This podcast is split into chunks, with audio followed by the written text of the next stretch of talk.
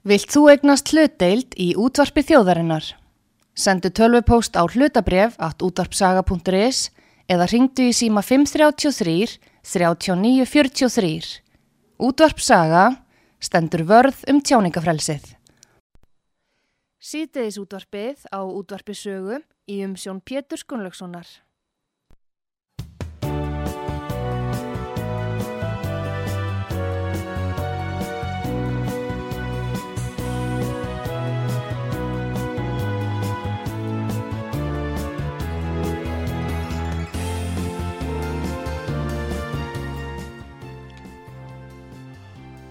Góðir uh, hlustendur, þér að hlusta á útvarpssögu.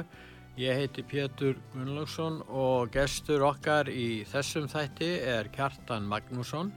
Kjartan Magnússon er varaþingmaður og hann er frambjóðandi í þessu prófkjöri sem verður nú í þessu mánuði hjá sjálfstæðisfloknum og sækist eftir því að sitja í öðru sæti á listanum. Er það ekki rétt, Kjartan? Jú, jú. Já, velkomin í þáttinn til okkar. Takk að þér. Nú, uh, þegar við tölum um borgina og það er búið að ræða mjög mikið um, um það, það er það auðvitað skipulagsmálin, húsnæðismálin og skipulagsmálin og, og það er þetta sem að flokkast undir þétting byggðar. Hver er þín sín á, á svona þessar stefnu sem tekin hefur verið af hálfu meiri hlutans núna og um langt ára bil og uh, hefur víða, víða valdið deilum? Já, mín sín er svo að þetta, það er illa staðið að mörgu þessu sem meirlutin stendur fyrir. Nú er ég sjálfur sér eh, hlindur þettingu byggðar og það eh, þetting byggðar auðvitað eitthvað sem sjálfstæðarflokkurinn byrjaði á á sínum tíma en það er líkil atriði að, að flýta sér ekki um of, keira ekki þettingunni gegn á einhverju offorsi og eiga eins mikið samráð við íbúa eins og hægt er og það, það auðvitað þýðir að þá tekur þetta kannski aðeins lengri tíma en, en það borgar sig ef íbúri viðkomandi hverfi eru svona sæmilega sáttir þegar upp er, upp er staðið. En uh, það hefur því miður ekki verið gert á síðastlinum árum. Þeir uh, borgarstjóðna meira hlutin sem er núna hann, hann hefur keirt uh, mörg þettingaverkefni í gegn og af allt og miklu ofórsi og núna hafa ég bakkað til dæmis eins og við bústaði veg vegna þess að íbúr þar í hverfi risu nánast upp allir sem einn maður.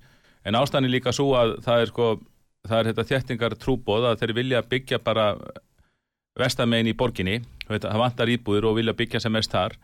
Og það er alltaf lægi en það, það dýr ekki til.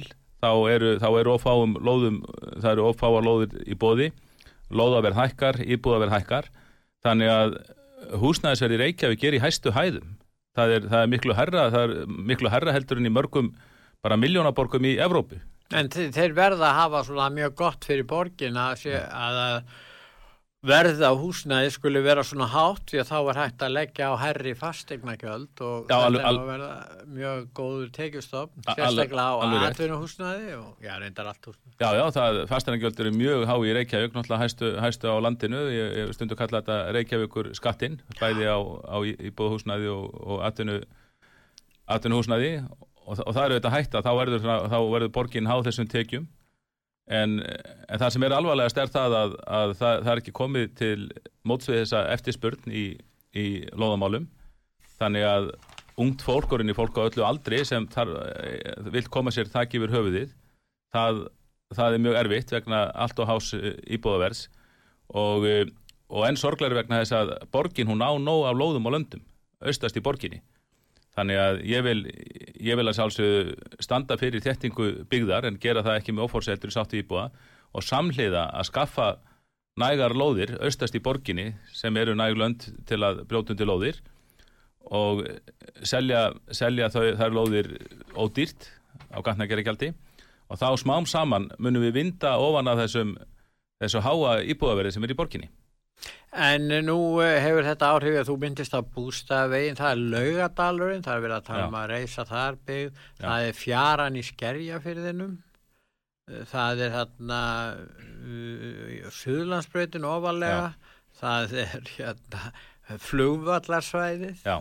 Og svona gæti ég lengi talið. Já. Þetta er þarna verulegur ágreiningur og þarna eru íbúar að gaggrína hérna, umhverfismandi, þeir eru að gaggrína borgina fyrir þetta og það hefur farið fram reyndar atkvæða greiðsla þarna í Já. sambandi við bústaða byggðina þar í bústafegin. Uh, hvað segir, hvað er það hérna, hvað á, eiga yfirvöld borgarmála að gera? Eiga það að hlusta á íbúa á þessu svæðum? Já, sjálf, já, Já, hvað, hvað vilt þú einlega, hvernig já, já, já, taka þessu? Nú segja þeir, já þetta er bara nöðsilegt, við höfum okkar aðskipula, það er akkurlega leiði til þess að gaggrina þetta og svo gerist ekkert annað og þeir bara halda sínu striki. já, já, sjálfsögðu að hlusta á, á íbúa. Það þýðir ekki það að íbúar eiga að ráða, ráða öllu í viðkomandi hverfi. E, Sjálfstæðarsflokkurinn byrjaði nú á þéttingu byggðar á sínu tíma og varðu, þetta varði auðvitað umtilt strax á byrjun. En það þróaðist smá saman ákveði vinnulag að það voru, la- lagt, það voru la- lagða fram hugmyndir og það var tekið samtal við íbúa og svo var ykkur lausna á endanum ef íbúar voru ósáttir sko. Þannig að, en, en allt tók þetta tíma, líkilatrið var það að menn ættu ekki að flýta sér og ekki að kera þetta áfram með, með offorsi eins og núna og svo voru ákveðni staðir sem voru alveg rættir en eh, var ljóst að, var ljóst að væri mjög erfitt að, að, að byggja á og, og til dæmis lögadalurinn við Suðurlandsbyrð Já. eins, eins og þú Sem er nú eitt nefnir. við hvað mesta svæði hérna í Reykjavík. Já, já, og það hefur reynt trekk í trekk, það var, það var eitthvað tíman, það var eitthvað nefnt upp úr 1970, það var mikið landstæð, þannig að það var horfið frá því og, og síðan, var, síðan var það reynt á tímabili fyrir vinsti, eh, vinsti meirflutan 78 til 82 og það var horfið frá því og síðan var það reynt í kringum aldamótin, það var horfið frá því vegna mikill að mótmála, við minnum að það hefur verið eitthvað um 20-30 þúsund undirskriftir sem söpnuðust Já, þannig að eh, þannig að ég held að væri komin svona sátt um það að þetta svæði yrði, það yrði ekki byggðar, byggðar mikla blokkir á þessu svæði sko heldur þetta yrði þróað það hefur verið hérna eitt og eitt sambíli og, og síðan yrði þetta svona þróað í þáu íþrótta, útivistar, en fjölskyldur við erum að tala um Já. stór fjölbýlishús Já, sem já, er já, já. sanga þessu skipulagi sem já, er já, og hugmyndir um að þrengja að Suðlandsbötinni, sem sagt þrengja Suðlandsbötina sem er náttúrulega hlýtur að vera umdelt vegna þess að umferðin er það mikil hlýtur að mjög umdelt því að Suðurlandsbrautin er eh, mjög mikilvægur umferðar ás í borginni. Og mér fannst nú einmitt með þessa, þessa borgarlínu þó ég sé nú ekki hrifin henni svona stóra dæminu Nei. þá er það þó með þróun leðakerfisins þá er svolítið verið að viðurkenna sko mikilvægi Suðurlandsbrautar og, og í sangað áallunum Já, borgarlínu já, og samt já. já. komaði fram með þessar tillögur um að Já. þrengja hana og hvernig á er þetta sko viðurkenna þennan ás, mikilvæg ás en allar sér að þrengja ánum í leðinni það er alltaf sérstætt en e, e, sko það er eitt svæði sem kannski hefur ekki verið rætt mjög mikið um núna en það eru þetta flugvöllurinn og ég myndist að skerja fjörðin áðan já, sem er þarna. Og þetta svæði, það virðist vera stemt að því að byggja að flugvellinum þar til að, já, hann verður bara ónótæfur, Já, já, getum við ekki bara já, já. sagt það? Jú, jú, það, það er það sem vakir fyrir, fyrir hérna, meirflutanum og er ekki hægt að stöða þetta, ég meina allar, það er ljóst eh, hérna kjartan að, að all, þingið mun ekkert skipta sér á þessu þeir lofuðu því, það var til á sínu tíma það var að koma fram með, með þá til að þingi myndi reyna að, að taka einhvern veginn á þessu en þá sögðu menn að skipulasvaldi væri hjá Já. sveitafélaginu og vísu í stjórnarskrána Já, já, það ætti að tryggja Já. sjálfstæði sveitafélaga Já, þetta er nú svona, svona mál sem gæti orðið erfið Já, já, ég var að þingja um daginn og, og heyrði þá í þingmunum að flugullurinn hefur mikinn stuðning meðal þeirra. Þeir eru á sama tíma mjög hikandi mitt út af þessum sem þú segir, út af skipilagsvaldi sveita, sveitafélagsins borgarinnar sem er svona ríki ríkinu að, að skipta sér af. já, En ríkið er samt, uh, ríkið er samt uh, eigandi uh, tæplega helmings flugvalla landsins. En þá skipir við, nú eru kostningar e, framundan í mæmánuði. Verður þetta mál, flugvallamálið, munu þá einhverjir þið til dæmis í, í þínum flokki, Já. munu þeir segja það á ekki að byggja, að þrengja að flugvellinum enn frekar því að þá verður hann ónótæfur. Við viljum ekki að flugvellinum verði ónótæfur. Já. Hva, hvað segir þú þessu? Já, ég, það er bara mjög skýrt í minni stefnuská að ég vil ekki að það verið þrengt frekar að, að flugvillinum. Þetta er, uh, þetta hefur auðvitað verið mjög, mál sem á sér auðvitað mjög langa forsögu, en, en ég segi sko meðan að, meðan að þarna er miðstöð uh, sjúkraflugs og björgunarflugs og einanlandsflugs Mm. og ríkið kýs, ríkið sem stjórnar náttúrulega þessu, þessu björgunar og sjúkraflugi með að ríkið kýs að hafa þarna þessa, þessa miðstöð, Mm. þá, þá vil ég ekki þá vil ég ekki að borgin eh, taki flugullin úr sambandi, svo má segja. Nú, það, það eru samtálu við náðumenn sem samkomlega um það að ef það fyndist annar jafngóður staður í nákvæmni höfuborgarinnar, þá mætti alveg skoða það að flytja þangað sem þó hafi kostnaði för með sér og þar var náttúrulega að tala um kvassarhaun en svo sjáum við það á síðasta ári þetta er bara, það fyrir að gjósa það rétt hjá og það er spáð eldgósa þessum slóðum Men þeir salda áfram að benda á já, já, já, já, ég held alveg að þessi hugmynd væri bara döðum leið og fór að gjósa.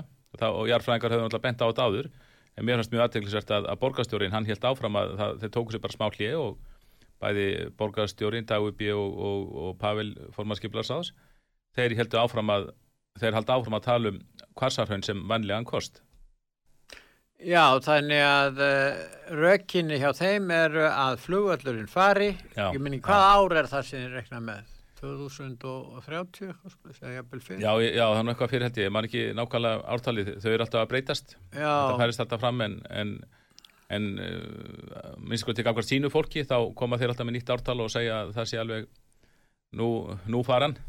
Já, já, já, en uh, nú uh, það er uh, sko eitt mál sem er kannski stóra málið sem var byrjað að tala um fyrir fjórum árum Já. og kannski hefur fæst í vöst, það er og margir skrifað um það, það er borgarlínan. já, já, Og það langar mig að spyrja það kjartan, eru, nú eru borgarfulltrúar, sjálfstæðismann einhverjir, hlindir borgarlínu, uh, ríkistjórnar uh, flokkurinn, uh, sjálfstæðisflokkurinn er ríkistjórn, já, hann er hlindur borgarlínu, nágræna sveitafélögin, uh, þar sem að sjálfstæðismenn Já. eru náttúrulega öflugir í Mósfellsbæ, Kópavogi, Seltjarnanesi, Garðabæ og Hafnarfyrði. Uh, þessir borgarfulltrúar byrjast flestir, kannski ekki allir, vera hlindir borgarlínu. Hvað segir þú?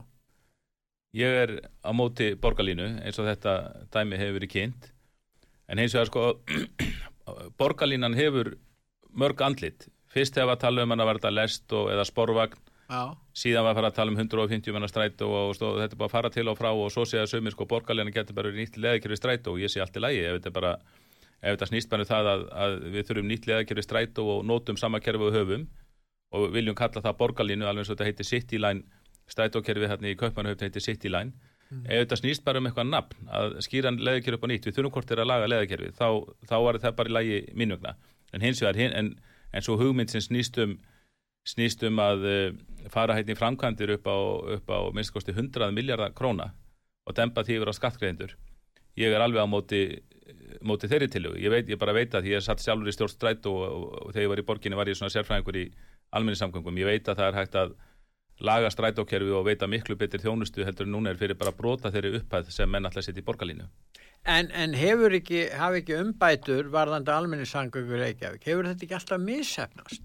Við, það Já. sjá menn, það kannski á modnana er magnandi Já. notaðir en öðrum tímum dagsins þá bara eru þeir meira og minna tómir það sjá allir ef þeir sjá vagnana vera að fara hér upp hverfiskötuna eða Já, á já. hlem og já, sér það tóma vagna Já, og, og þetta er stórir og miklu vagnar og fer Já. mikið fyrir þeim í, í, í, hérna, já, í umferðinni það er til dæmis þeir sem keira upp hverfiskötun þetta er, þeir keira bæði Já. upp og niður hverf álíkt því sem Já. áður var áður en lokuðu Já, já. laugavegin þannig að, að þetta hvað segir Jú, sko, þú þeir ert að tala um að þú hefur komið að þessum almenningssamgöngum Já, og strætó já. er eitthvað hægt að gera í þessu Já, þetta- nema hækka sko gjaldi nú þegar skilspil að kosti 2000 krónur ef að tekið er fram tekið með niðurgreislunar af Já. hálfu borgarinnar menn borga hvað 500 kall í strætó? Eh, og síðan er, er, er borga með þessu. Þannig að þetta er spurning og þetta er bara næstu því hátt í leigubílagjald. Og ef það eru tveir, þrýra notfæri sér leigubíla þá er miklu hagkvæmar að koma upp einhverju öðru kerfi heldur en þessu. Já. Jú, jú, það hafi verið vombrið í þessu en það er sjálfur sér engin flokkur sem vill leggja kerfi niður. Þannig ég segi sko við um að Já, ekki kerfi niður en bara Já. að það verði einhvers konar breytingar á já, þeir já, já, rótækjar. já, já, sem sagt það- kerfið verður ekki lagt niður en hins vegar held ég að við þurfum að þróa það í átt að bara uh, með þeirri þróun sem er að verða á almenningssamgöngum í heiminum og svo þróun á næstu árum, hún verður ekki í átt til eitthvað starri vagna, þú veist að vera að tala um einhverja 150 manna vagna sem eiga að vera í borgarlínu þróunin verður ekki í starri vagna heldur kannski frekar minni vagna og endanum kannski bara í skuttlu sem þú bara pantar. Eins og, eins, eins, og, eins og Uber, þeir sem hafa tekið Uber það er þetta líkið saman við Uber þar sem ein móður tölva skipilegur ferðina fyrir mann. Þú veit að tala kannski um sjálfverka bíla þá. já, já, endanum, endanum verður þetta þannig. Ég er ekki, að segja að það verður komið neitt á morgun eða hinn en, en þróunin er í þá átt og minna, það er nú byrjað að það er nú byrjað að keira svona litla sjálfvirka strætóa í, í Helsingi, ég, ég prófaði þetta í Helsingi 2018 og, uh, og svo í Kaliforníu. Þannig að og það, það, það gæst vel og ég segi sko við höfum bara horfað til þess að, að, að þróa þetta í þá átt og svo áherslu er á minni vagna og uh, betri þjónustu þannig að þeir eru jafnvel sko, skuttla heim á dyrum. Ég getur sagt sko, svo hugmynd sem við kerum okkar strætókerfi á, það er svona hugmynd frá 19. öld, var Já. mikla framfærið þá, sem er svona station to station, frá einni stöð til annarar. Uh, Akkur er enga bílinn svona vinsættir Reykjavík, það er vegna þess að maður tekur hann frá eigin dyrum að þeim dyrum sem verður að fara til. Ef að almenningssamgöngikerfið getur tekið kostin tekið upp kostin, aðal kostin úr engabílakerfinu sem er frá, frá, frá door to door Já. þá held ég að að við verum að grætni grein. Og ég er ekki að segja og við erum að þóa í þá átt. En það er svona vandamál nú þurfa að menna að koma sér að þessum stöðum í borgarlínkerfinu Þannig að það...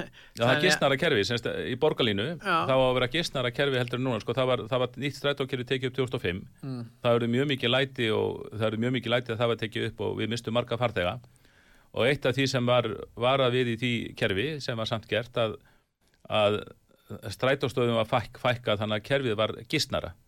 Og nú á að gera við erum í þessari nýstu höfuborg heims. Nú á að gera kerfið enn gistnara En í útkverfi þar kannski fjölskylda þarf að koma tvei, er barninu í grunnskóla og í leikskóla. Já, já, já. Og, og hérna og það er engar ferðir alminnsferðir frá við komum að tala til, til, til, til þessara stofnana. Og svo, svo líka mér sérst að það því að borgarlínan, hún er trátt fyrir allt hún er ekkert að koma, alveg svo hitt kerfi er ekkert að koma morgun hinn, þá borgarlínan heldur ekkert að koma morgun hinn, hún hefur verið þróun í, í mörg ár þessi borgarlína Já.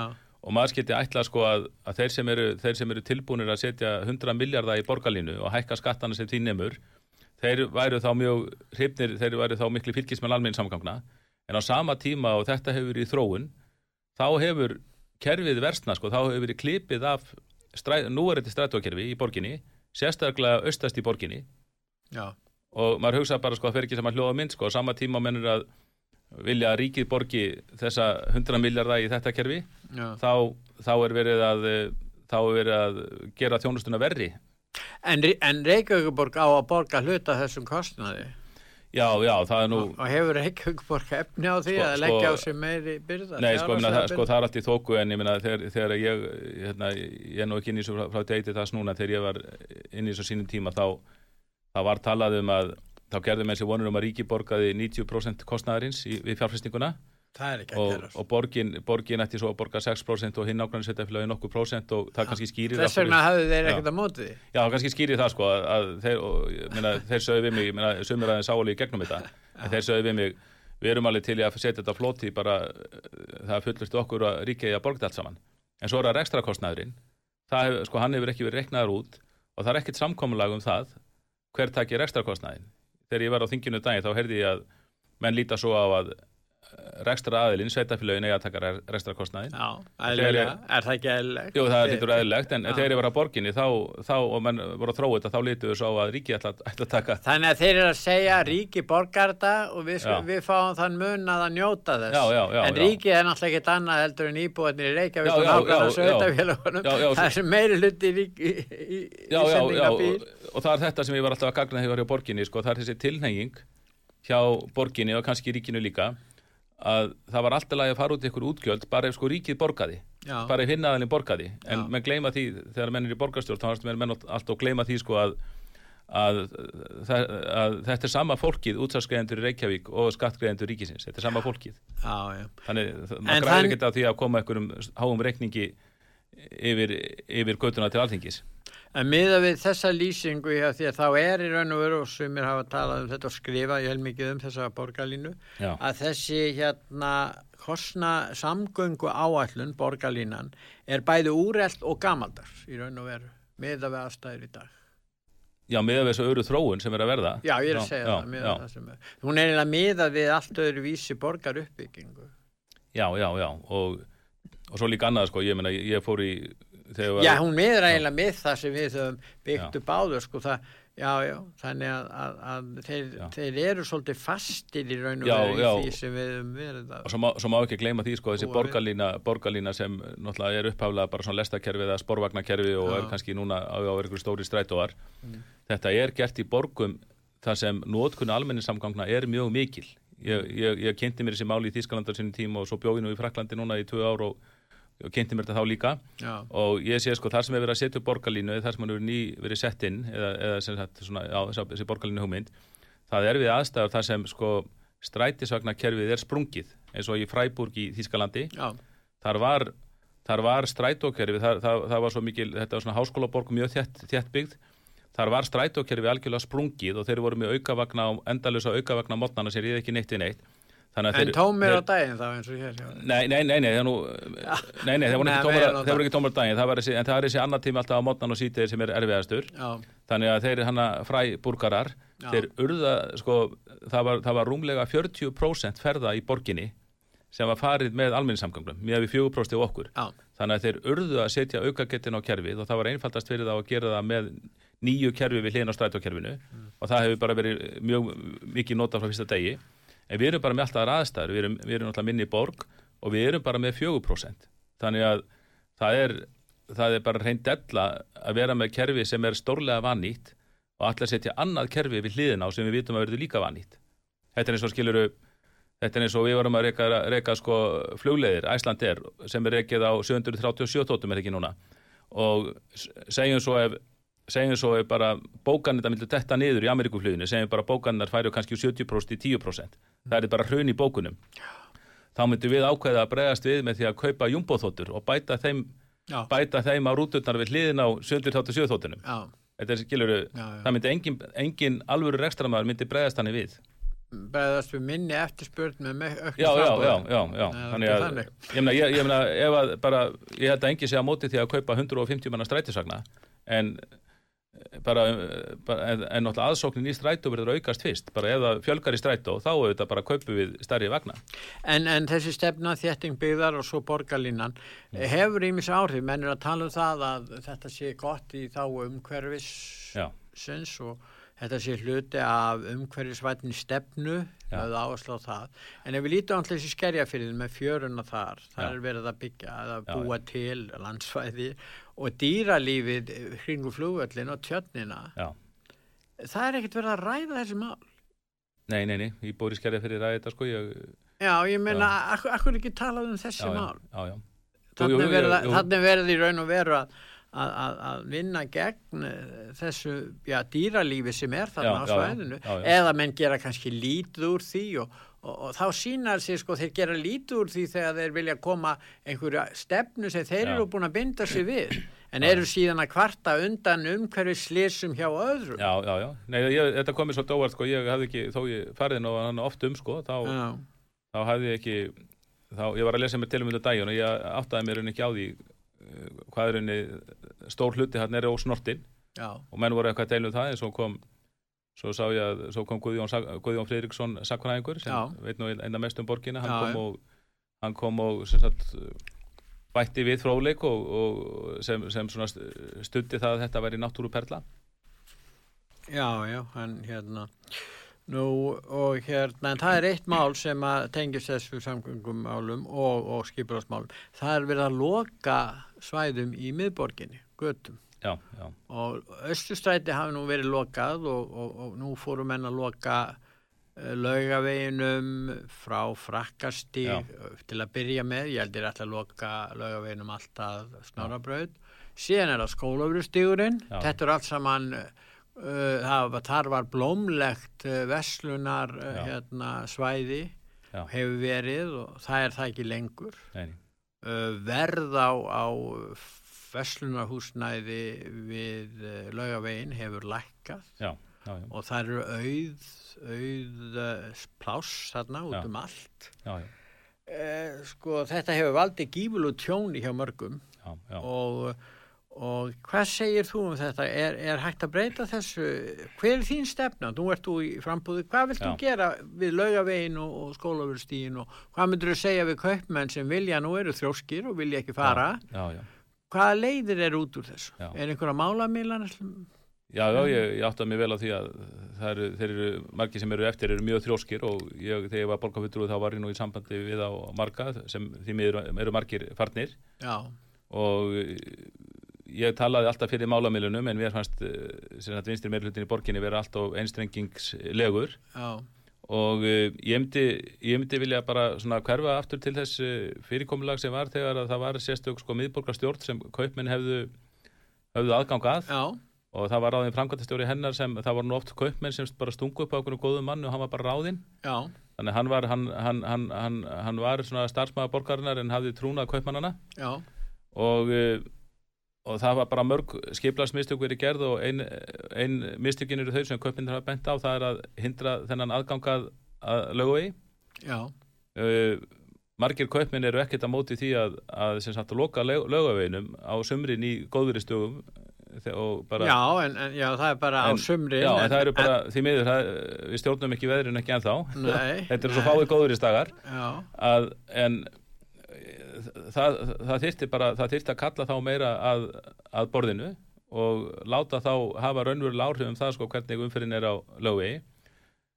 Undanfæri, ég meina, umferðinni hefur verið snúið við, sko, það, sko, venilegt fólk verið ekki lengur á lögvegi nema því, sko, brínt erindi og þetta auðvitað hefur dreigið úr business, þannig að þess vegna eru er, er við í þessari stöðu og því miður þetta er það er varlægt að segja lengur að sko stóri hlutar löguvegarinn séu svona blómlegar miðstuðar menningu og verslunar sko. En, en það, við- þannig ætti það að vera. en ef við lítum bara út Mm. frá því sjónum að þarna eru bifræðar að að fara um miðbæinn Já. og hvort sem þú ferð niður Grettisgötu, Frakkastig, uh, uh, Njálsgötu, þar eru bifræðar allstaðar já, já, og, og það sem gerist þegar þú lokar laugaveginum þá færist bara umferðin Já, yfir í þessar götur. E, og svo hverfiskatan hún er náttúrulega gjör breytt við að það er bæði sko akstur niður í bæ Já, og já, já. upp úr bænum. Og, og þetta er náttúrulega mjög já. sérstaklega þegar strætisvagnar eru keira mjög mikið um svo og þannig að bifr, meina, álægið í umferðinni minkar ekkit, hún bara færist yfir. Já, já, já, já, og svo minkar sko, reyndar, það er mjög algengt eh, þegar maður er inn um miðbæ þegar ég var í borgarfittur og maður var að hitta fólk sem var að koma kannski öðrum hverjum borgarinnar. Já, það var mjög algengt að maður heyrði fólk segja sko, ég hef ekki komið í marga mánuði inn í, í miðbæ sko, ég, ég, ég fer ekki ég kem ekki lengur á rúndin ég, ég kem ekki hingað nema ég eigi brín erindi En hefur verið erfitt í raun og verið að ræða þessi mál? Það er svona einhvers svona stífni og þrákelkni sem kemur já. frá borginni. Þetta er, já, já, þau, nei, já þau, þessi mál þegar ég, ég, náttúrulega get ekki dæmt alveg um þetta kjörtæðanbíl en ég, þau voru mikið rætta þegar ég var á síðasta Já. kjörtæðanbíli þegar ég var þarna, Já. þá voru þetta mikið rætt og þetta voru bara þetta voru bara mismunandi skoðanir. Það var náttúrulega það var verið að taka ákvarðanir um miðbæinn sem ég fannst vera teknar af vanþekkingu eða bara vera mistök. Mm. en þá fann maður alltaf að það var alltaf þetta undirliggjandi þessi undirliggjandi faktor hjá meirhlutanum var þessi þessi andúð á þessum hræðilega engabíl það, eða, eða fjölskyldubíl. En erfitt að koma að málamilunum altså. já, já, mjög erfitt og kaupmennindir þeir kaupmennindir þeir lögðu sér mjög mikið fram um að, um að gera málamilun fannst með við borgina og, og reyndar þegar, og ég man eftir þegar að Ingeborg Solrún var borgarstjóri þá, þá voru líka svolítil átökum þetta en uh, ég seg, segi henni til Rósa að hún eh, ég man, að, ég man einu sinni tvisar eftir mjög erfiðu málum en þá, þá beitti hún sér fyrir því að það erði höggvið á hnútin og gerði, gerði málamilun við löguviskauppmenn sem þeir voru svona saupsáttir með. Og svo og, og, og, En það og, tók, og tók vel já og svo, svo, svo voru bara ýmsar hugmyndir sem þeir lögðu fram og hún tók vel í og svona. Mm. þannig að hún laði svolítið svona sérstaklega sérstaklega síðari ársinn í starfi. Þá laði Ingibjörg Solrún áherslu á málamilanir sem voru, var bara held öllum til góðs. En síðan erst eftir það og síðustu árin þá, þá er eins og sé ekki vilji til málamilana Það er svona pútínsk þrjóska, má segja. þetta er ekki líka Nei, ég bara segi, já, tekið já. sem dæmi að svona þrjóska sem er er einhver- að skilja af hverju er. Já, ekkur þróska og það er, er í mörgum fleiri málum að við vorum ofta að fjalla um einhver mál og, og vorum að gefa upp boltan svona með málamilun en það, það er einhvern veginn svona mér fannst ég veit ekki hvort það tengist eitthvað hruninu, mér fannst sko eftir 2010 eh, svona eftir, eftir hrun þá, þá fannst mér þá fannst mér menn eh, svona góð samskipti verða erfiðari menn fóru í einhverja skotgrafir, fannst mér í meirulutanum og, og það var erfið að eh, ná þessari málamilun sem var mjög algengin áður sko. Góðir hlustendur, þið er að hlusta á útvart sögu. Ég heiti Pétur Gunnlaugsson og ég er að ræða við hann Kjartan Magnússon, varaþingmann um borgarmálefni. Hann verður í frambúði núna í prófkjöri sjálfstæðisflokksins, sækist eftir öðru sætinu. En við ætlum hlýða núna á auðlisingar og höldum svo umræðin áfram eftir auðlisingarlíð.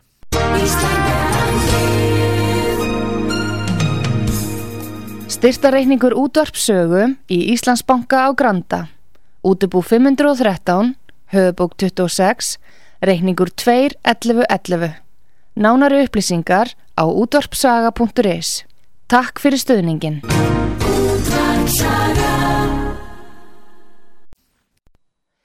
Sýteðis útvarpið á útvarpisögu í umsjón Pétur Skunlökssonar.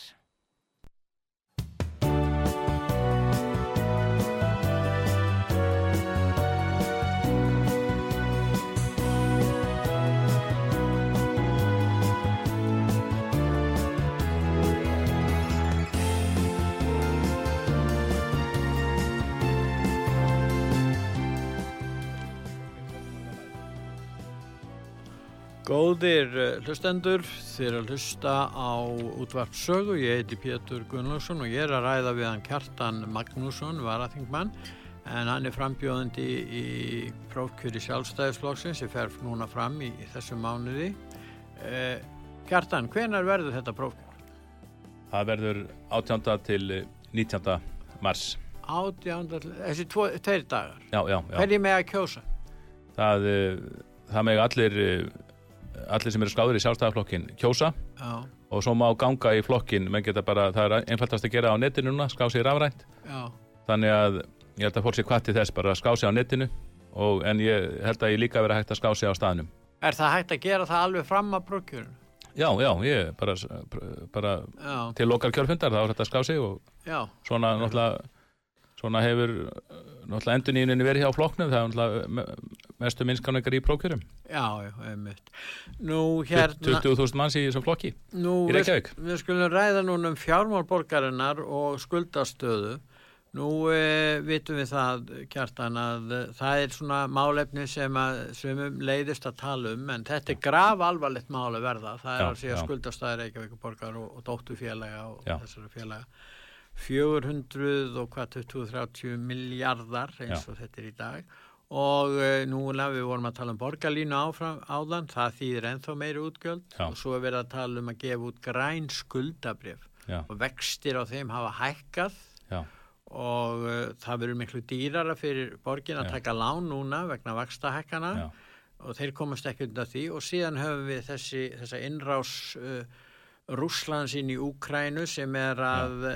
valda alveg gífulegu tjóni á alþjóðlegu mörgum og þar á meðal á Íslandi og við erum Já. undirbúið okkur undir það tap. Þannig að það eru erfiði tímar fyrir alla í fjármálum og eða flesta og sérstaklega fyrir þá sem eru skuldsettir og þurfa að borga herri vexti og þurfa að líða fyrir uh, samdrátt í efnaðaskerfinu eins og við erum að horfa upp á út af þessar deilu þarna í Östur-Európu. Uh, hvernig lítur þú á þetta? Hvað er hægt að gera í þessu? Skuldirnar svona miklar, uh, ekki hægt að hækka uh, hérna, skattana, ég býst ekki við að Já. þið viljið það í sjálfstæðisfloknum og þá er ekkit annað en annarkvort niðurskurður eða hvað? já, þetta er graf alvarlega staða en eh, borgarstjórin og meirhlutin þeir bara virðist ekki gera sér grein fyrir því hvað hún er alvarleg og, og þegar maður lítur í fjármál borgarinnar ég, ég settist nú yfir þetta eina helgi um, um daginn og hafði ekki, hafði ekki sett mig þá eh, svona grúnditt inn í fjármál borgarinnar í nokkur ár. Og mér brá þegar ég fór yfir þetta þegar staðan var orðin miklu verri en ég, en ég held kannski fjölmilar hafi ekki mikið áhuga á að fjalla, Nei, fjalla hann um er svo, sumin, ne, ne, sumin nenni ekkert að hlusta á þetta Nei, nei, nei, og það er bara Já, já, og, og, og, þe- og, þetta, og bara þetta er gífurlega alvarleg staða 400 miljardar króna ko- komið yfir, yfir það sko. Já, og við erum, og Reykjavík er algjörlega komin í skammarkrók skuldana við berum okkur saman við önnur sveitafélög já, með þess að Reykjanesbær sem var í mjög erfiðri stöðu á síma tíma, sínu tíma, hann var komin í þennan skammarkrók að nú er staðan orðin verri í Reykjavík. Nú, þeir hafa náða árangri, þeir hafa náða árangri var að lekka skuldir síðustu ár, tölverðan og í góðum Ár, árangri. Árborg var staðan mjög slæm Já, já, en, en nú er bara þegar maður ber þessi sveitafjölu sama þá sáum við að, að Reykjavík er í langverstu, langverstu málunum og það verður að snúa sér þróun við. En það verðist ekki vera viljið til þess. Ég meina maður myndi, maður myndi kunna betur við það ef, bara, ef, ef menn bara viðurkendi eins og borgarstjóri bara viðurkendi vandan Að Er hægt að draga úr, er hægt að spara, er hægt Já, að já, draga það úr? er- já, Og re- hva, hvernig er það hægt? Sko, er nú, nú, nú tala Já. maður með stjórnmálamenn þeir séð alltaf rétt fyrir kostingar að spara svo verður aldrei neitt úr þessu. Menn geta, Já. menn treysta bara á hagvöxtin það sé meiri framleiðsla og sett að ná í meiri tekjur gegnum það. það þýðir ekkert að treysta endalust á hann og, Nei, ekki, þessu, ekki á þessu ári og Nei, næstu nei, árum. og það er ekki rauninni, rauninni ég myndi aldrei stiðja skattahækkun en það er eiginlega ekki hægt sko því að náttúrulega útsvarið er í hámarki Já. í, í, í Reykjavík ekki er hægt að hækka að- nei, það er nei. því náttúrulega verkað bara eins og eigna upptaka á það, já það, væri, það væri sjálfur sér hægt að hækka fastegna í Reykjavík sko prósentuna en þau eru svo há vegna þess að fastegna verður svo hátt í Reykjavík þá, þá eru við að borga herra fastegna skatta heldur við út á landi þannig að það kemur heldur ekki til greina. En hins vegar, góðu fréttinnar eru þær að það er víða hægt að spara í kerfinu mjög víða. Það, er það raunhæft? Já, já, já, já, það er alveg raunhæft. Það, við sjáum alveg sveitafélög sveitafélög hafa farið út í það eins og til dæmis að því hún endur Árborg Árborg fór út í það sínum tíma já. var í erfileikum og fór út í mikinn spartnað en svo fjall meiri hlutin þrátt fyrir það. Já, já, já, já, já, já, það, það, það bara fólk kann ekkert að meta það. Já, það, það bara gerist, ég meina meiri hlutin í, meiri hlutin í Nóri stjórnin í Nóri fjall um daginn yfir þessar fréttaskynningu það, það er ekki til spartnaðar að gera því að sem voru ekki nógu vinsalar út á landi. En það, en það er betra að gera réttu hlutina og falla heldur en að bara halda áfram að taka lán og og e, það, Gæti ver, það, verður að, það verður að snúa sér braut ég, ég gerir mér ekki vonur um það að það verður hægt að borga upp 400 miljardar á einu kjörtæðabili en, það, en það, verður að, það verður að snúa skipinu við og minnst að kosti hætta þessari skuldasöfnun og gera borgina sjálfbæra því hún er ekki sjálfbær.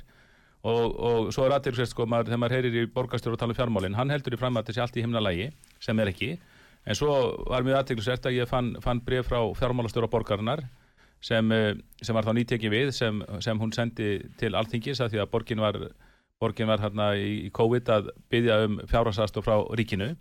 Og þá var farið yfir, var farið yfir fjármál Reykjavíkuborgar alveg óhað COVID og þá var satt bara rekstunum væri ósjálfbær og yrði það til margra ára væri fyrirsjánlegt. Þetta var algjört neyðar kall sendnir í þing til að fá peninga frá ríkinu, þetta bríð hefur ekki fengið miklu aðtigli en, en þarna er alveg raunsönn raunsönn lýsing á stöðunni frá sjálfum fjármálastöru borgarinnar og allir sem all, allir þeir sem lesa slíkt bref þeir get ekki lengur stungi höfðinu í sandin, þeir hljóta að viðurkenna að það verður að grípa til aðgerða og ég held að sér augljóst mála að núvarandi meirhluti gerir ekki, samfélkingin getur ekki gert það. Það þarf nýr flokkur að koma að málum og, og sá flokkur er sjálfstæðarsflokkurinn en uh, nú komið nokkur dæmi um ótrúlega hérna, ótrúlega tölur varðan til dæmis Já. byggingu já, og það var svona halvu miljardur fór í Já, það já. sem enginn hefur gefið skýring á í raun og neini en, en með langar að spyrja þig er þessi fjármála óreiða eins og þið myndir kannski tala um einhverju leiti er það vegna þess að það ríkir spilling? Er þú á, inn á þeirri skoðun að, að eh, það er, eh, ríkir spilling uh, í Reykjavík uh, það, þess vegna það er skýringin á þessu meðlunum hvað segir um það er, er, er hlutin í Reykjavík sem stýrir Reykjavík er þetta spiltur meiri hlutin Já, ég, ég er alveg vissum það að það ríkir mikil spilling og mikil sóun. Ég er ekki að halda því fram að það ríkir glæpsaleg spilling, ég er ekki að halda því fram að einhverju mennsi að bara Nei, er stinga í eigin vasa sko, ég er ekki að segja glæpsaleg spilling en ég ávið bara spilling í þeim skilningi að það er slæmur ekstur og það, það er mikil sóun Já, eins og til þess bara sem bragga, ég, ég var nú ellendist þegar að það mál allt spra, sprakk í loftu upp. Já. en ég fylgdi landsnóli fréttirnar og, og þetta mál var farið af stað þegar að- áður en ég hætti. En það eru fleiri Og- dæmum, já, já, fastegna kaup og annars. Já, já, og ég man, ég man vel eftir því þegar þetta mál fór á staða því ég var á móti því, við greitum aðgæða gegn því að, að það var fullist við okkur að, að þessi kostnar við endurgerð brakkans yrði, færi ekki yfir 100 miljónir króna. Það var fullist við okkur hvað eftir annað. Svo endar þetta í 500 okkar miljónum Já, já, þannig að þe- þetta er eitt af mörgum þar sem bara, ég veit ekki hvað gerist að það er ekki góð vinnubrögð. Það vantar eitthvað, það vantar eitthvað góðan rekstramann sem, sem er alltaf að horfa yfir aukslun á þeim sem eru að fara með peningana og grýpir í tauman ef að það er að halda.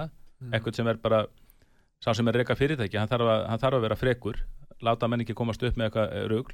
Og svo til miður þá hefur maður tilfinningustundum að, að einhverju þeir sem sinna þjónustu fyrir borgina, þeir bara líti á það sem haftarætsvinning að fá verk smyrja eins miklu á það og þeir geta. Nei, nei, á ekki að bjóða út slíku verk.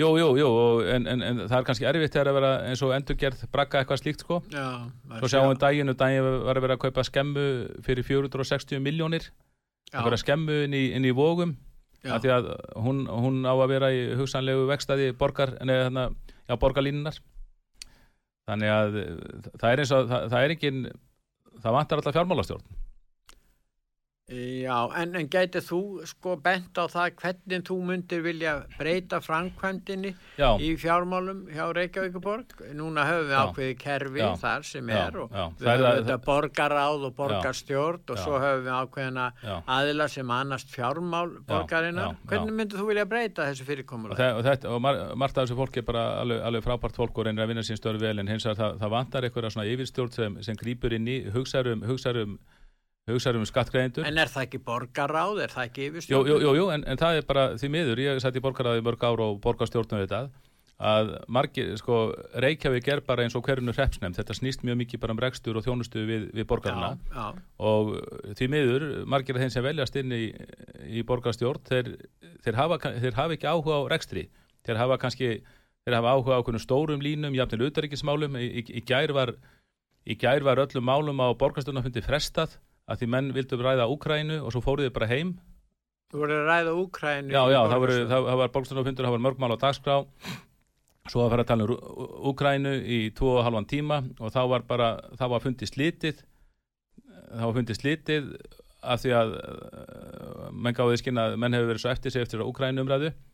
En ég sé að þetta er bara eitthvað flótti það var alltaf lagi að tala um Úkrænu og sína þeim samu sjálfsögðu sko. En menn áttu síðan menna fundurinn var frá töð, hann var búinn hálf fimm sko, svo áttu menn auðvitað bara að fara í þeirra sínar gegna sínum skildum og ræða þessi borgamál en þarna fóru menn heim, bara menn rættu utanrikismáli í 2-3 tíma, svo fóru menn bara heim.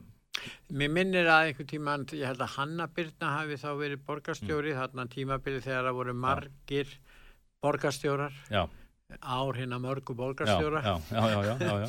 og hérna, og þá var hún að tala um það að ráð ekki nýja menn í störf, setja einhvers konar já hún, lokun á það. Hva, hva, hvað finnst þér um það? Hva, hvað fælst í því? já, hún þess að við það var rauninni gert sko, þarna á hennar vart sko, það var, það var eh, og þetta ár, það voru ránir mjög fáir nýjir Mm. og ég kynntist Nei, Þeir sem hættu sko, voru að hætta, það er ekki ráðinni nýjir í Já, stað. já, það, og það gekk ótrúlega vel, það voru einsins sem spáðu illa fyrir þessu og það, þetta var líka gert hjá sem er fyrirtæki borgarinnar, það var svona óformlegt ráningarbann, þannig að það var ekki ráði í, í stað þeirra sem losnuðu, já, þá var bara farin í fyrirtæki og byggði aðra um að taka það að sér. Já, og þetta gekk ótrúlega vel og þetta kannski síndi fyrir mér að, að ég minna í mörgum, á mörgum skrifstofan borgarinnar þá hafa þá eru menn kannski ekki mikið að svitna sko, fyrst þeir gátu, gátu bætt, þessu, bætt þessu á sig. Og þetta er svo mikið spurningum í hugafar það þekkit allir sem verið í rekstri. Að gangin í fyrirtæki að gera, erfið, það þarf að taka erfið samtöl uh, gera erfið hluti, kannski segja ykkur um upp og svona. Er þeir að forðast það? Er, er þeir að Já. forðast að taka ákvarðanir sem að virka óþægilega á er ekki- einstaklinga og varpast og Já, þá já, það er finnst, ekki- finnst þeim einhvern veginn þeir ekki tilheyra góða fólki. já, já, já, já það, er ekki, það, er ekki, það er ekki tekið að málum og það er bara lítið svo á þó, þó æviráning sé ekki lengur bundin í lög þá er hún de facto Það við er lið- miklu liði- auðveldar að kasta, láta skattgreðendur borga auka Já, já, já, já, akkurat. Og, og svo, svo kannski, svo líka eitt sem skiptir máli þarna að svo var fjölgað í borgarstjórnum 53% já, núna við upp að kjöldambilsins borgarfutturum var fjölgað úr 15 í 23 já, og það, það var ekki hægt að senda og þá var náttúrulega borgin komin í þessi fjárhagsvandræði og það var ekki hægt að senda verri skilabóð út á svið og fyrirtæki borgarinnar. Já, því að borgarstjórnum, minna, mörgum fannst borgarstjórn bara gefið sér langt nef, það var verið að byggja fólkum að spara. Já, á sama tíma fjölgaði yfirstjórnin sér um 53% og ég segi, fyrsta sem borgarstjórnin ætti að gera var að beita sér fyrir því að þetta sér breytt tilbaka ganga undan með góðu fordami sína að borgarstjórnin sjálf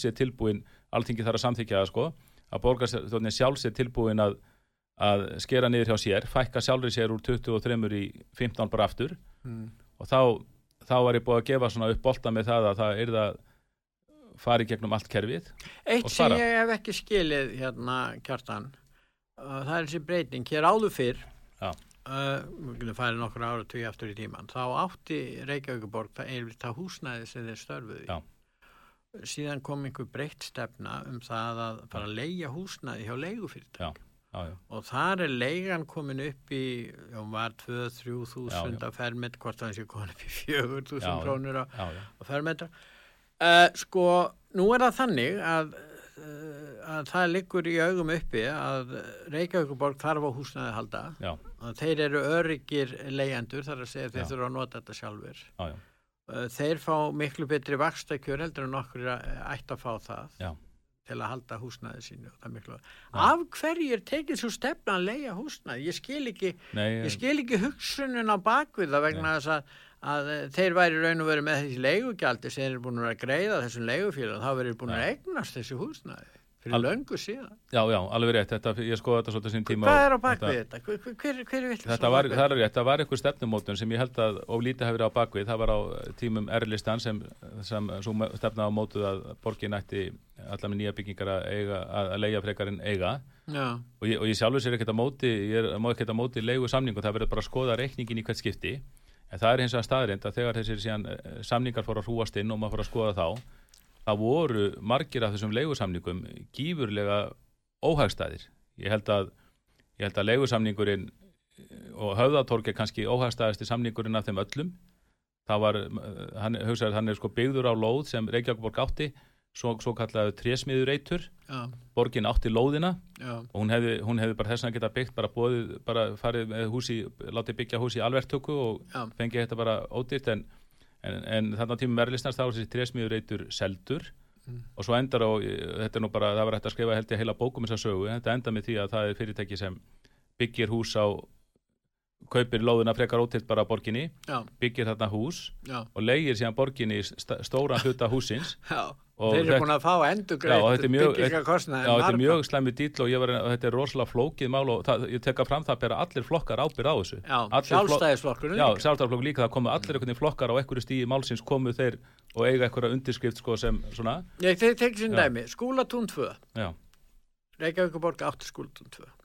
Þar var salur fyrir borgarstjórn. já, Þetta er mjög glæsilegt hús á sínum tíma. Og hérna, skúlatún 2 var, var, var, la, það var notað, Já. borgin notaði skúlatún 2 húsnæði Já. sem uppbyggjald upp í leigusamning. já, já, já, já, Sko, já, hugsa, já, sko þeir láta af hendi já, fallegar, uh, fasteignir sem hafa verið haldið vel við, já, já, sem, sem sko greiðslu upp í það að leia. Já. Og samt, sko, já. ég og þetta er meina, ekki, ekki góður, og, og sko borgin er ekki, Ég borgin meina er þetta ekki, sjá allir Já. hversu óskinsamlegt þetta er Já. að ríki og borg sem þarf að nota húsnæði. Já.